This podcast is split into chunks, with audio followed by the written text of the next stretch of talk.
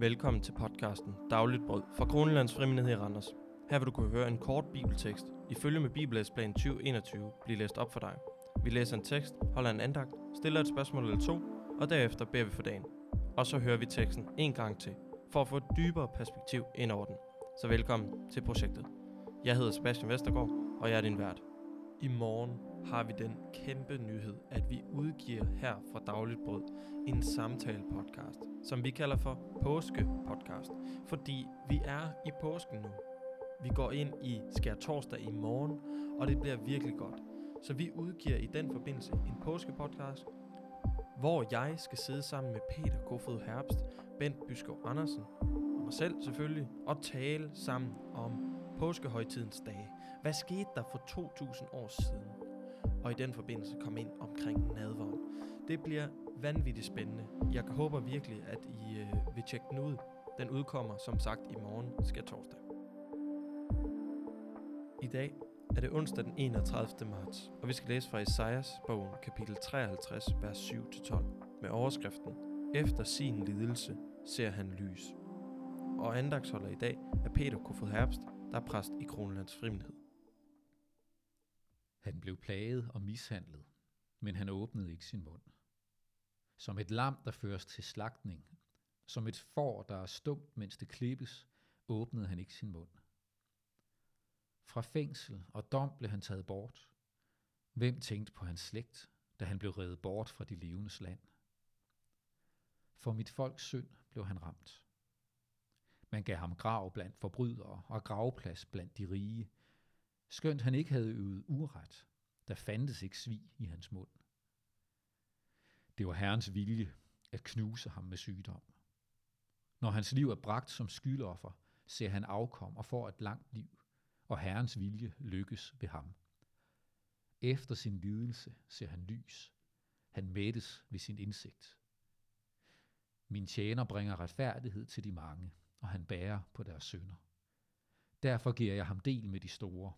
Med de mægtige deler han bytte, fordi han hengav sit liv til døden og blev regnet blandt lovbrydere.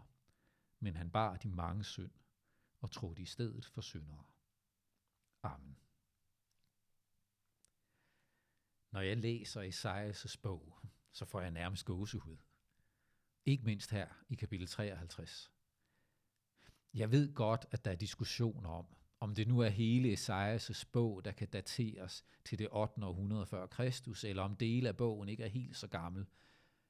Men uanset om de her profetier lød 740 eller 440 år før Jesu fødsel, så er det helt vildt at læse dem.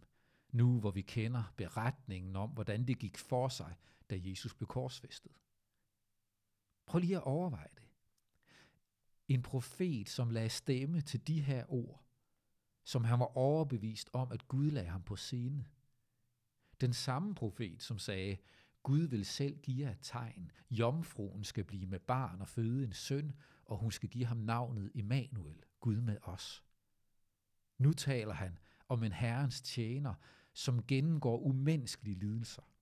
Et menneske, som ligner den ultimative fiasko, men som i virkeligheden går ind og bærer straffen for andres uretfærdighed.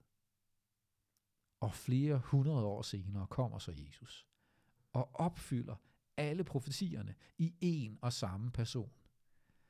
Det er så hårene rejser sig i nakken på mig.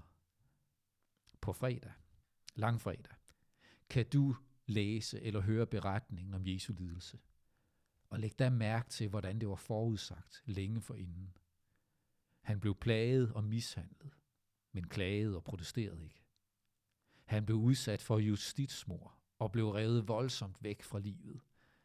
Han døde mellem to forbrydere og blev alligevel lagt i en rigmands grav. Og vi jubler allerede i det stille og siger, han lånte den bare. Graven blev ledig igen søndag morgen.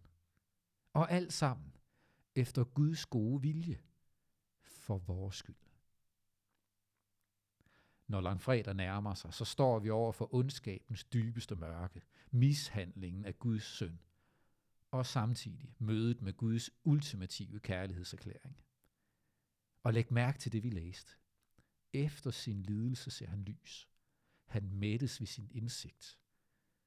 Hvad er det for et lys, Jesus ser efter døden og lidelsen? Ja, det er opstandelsens lys, men endnu mere. Det, som mætter ham, er synet af alle os, som i troen på ham får lov at modtage hans retfærdighed.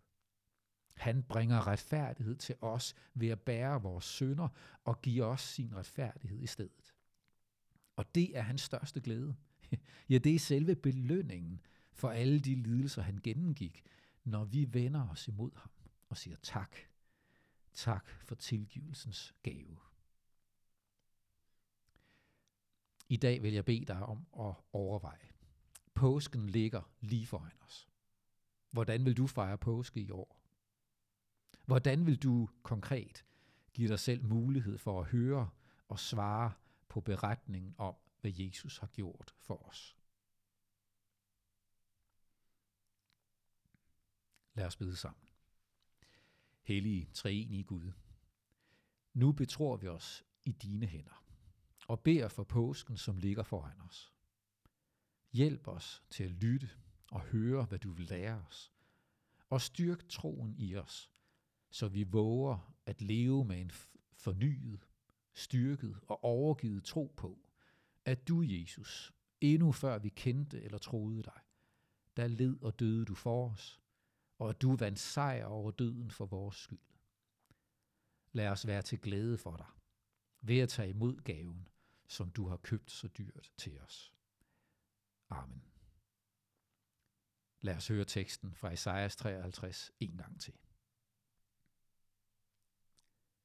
Han blev plaget og mishandlet, men han åbnede ikke sin mund. Som et lam, der føres til slagtning, som et får, der er stumt, mens det klippes, åbnede han ikke sin mund. Fra fængsel og dom blev han taget bort. Hvem tænkte på hans slægt, da han blev reddet bort fra de levendes land? For mit folks synd blev han ramt. Man gav ham grav blandt forbrydere og gravplads blandt de rige, skønt han ikke havde øvet uret, der fandtes ikke svig i hans mund. Det var Herrens vilje at knuse ham med sygdom. Når hans liv er bragt som skyldoffer, ser han afkom og får et langt liv, og Herrens vilje lykkes ved ham. Efter sin lidelse ser han lys. Han mættes ved sin indsigt. Min tjener bringer retfærdighed til de mange, og han bærer på deres sønder. Derfor giver jeg ham del med de store. Med de mægtige deler han bytte, fordi han hengav sit liv til døden og blev regnet blandt lovbrydere. Men han bar de mange synd og trådte i stedet for syndere. Amen.